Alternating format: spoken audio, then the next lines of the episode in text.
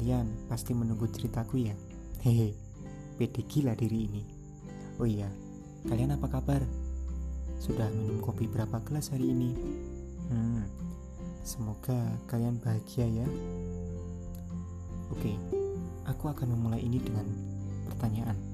Tapi tenang, ini bukan ujian nasional matematika yang jawabannya harus dijawab dengan rumus-rumus.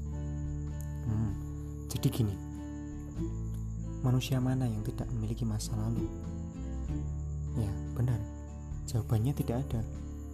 Semua manusia memiliki masa lalu, apa pun bentuknya, entah sedih, bahagia, menyakitkan, atau sangat indah untuk dikenang.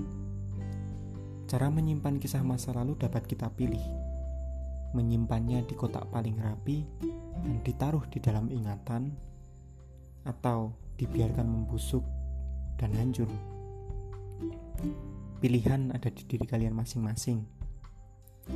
Ya, seperti halnya kalian, aku juga punya cerita masa lalu, dan aku menyimpan semua kisah masa lalu dengan menjadikannya sebuah gambar, dan aku pajang di dinding-dinding ingatan, agar aku mudah menemukannya dan memandanginya dengan tersenyum. Beberapa kisah itu akan aku ceritakan di kesempatan kali ini. Jika kalian mulai mengantuk, tahan sebentar ya. Hehe. Kisahku kali ini adalah kisah klis dan mungkin sangat sering kalian dengarkan. Kisah bertemu dengan lawan jenis, menjalin keakraban, tumbuh perasaan, dan akhirnya harus sama-sama mengucap kata perpisahan. Dulu, aku pernah mengenal seseorang. Ia tinggal di dekat terminal terkenal di Jogja Mengingat nama terminalnya saja langsung tergambar jelas paras dan juga wangi tubuhnya. Saat itu, aku dan dia adalah dua manusia yang hampir sama.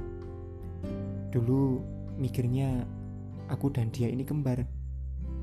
Bisa dibayangkan, mulai dari hobi, musik favorit, hingga selera berpakaian aku dan dia hampir sama.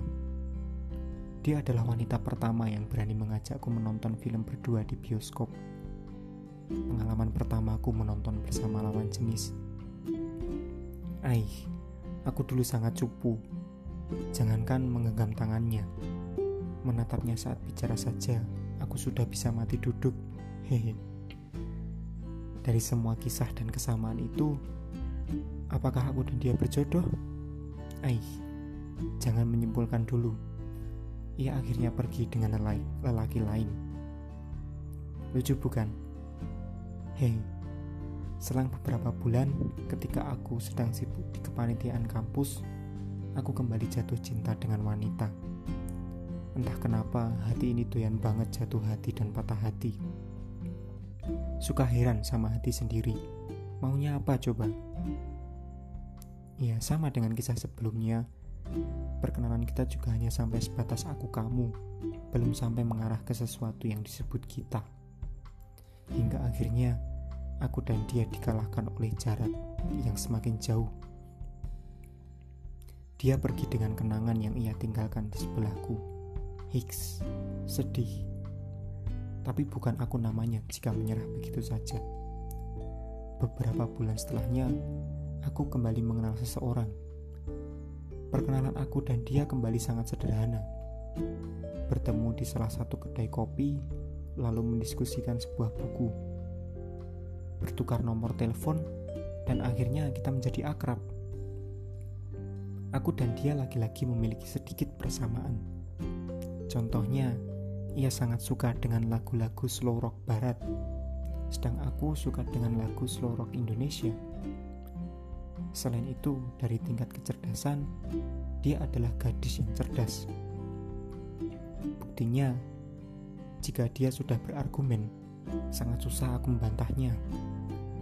Namun, hubungan aku dan dia belum pernah mencapai kata pacar. Ia akhirnya pergi, meninggalkan bekas luka yang masih belum hilang.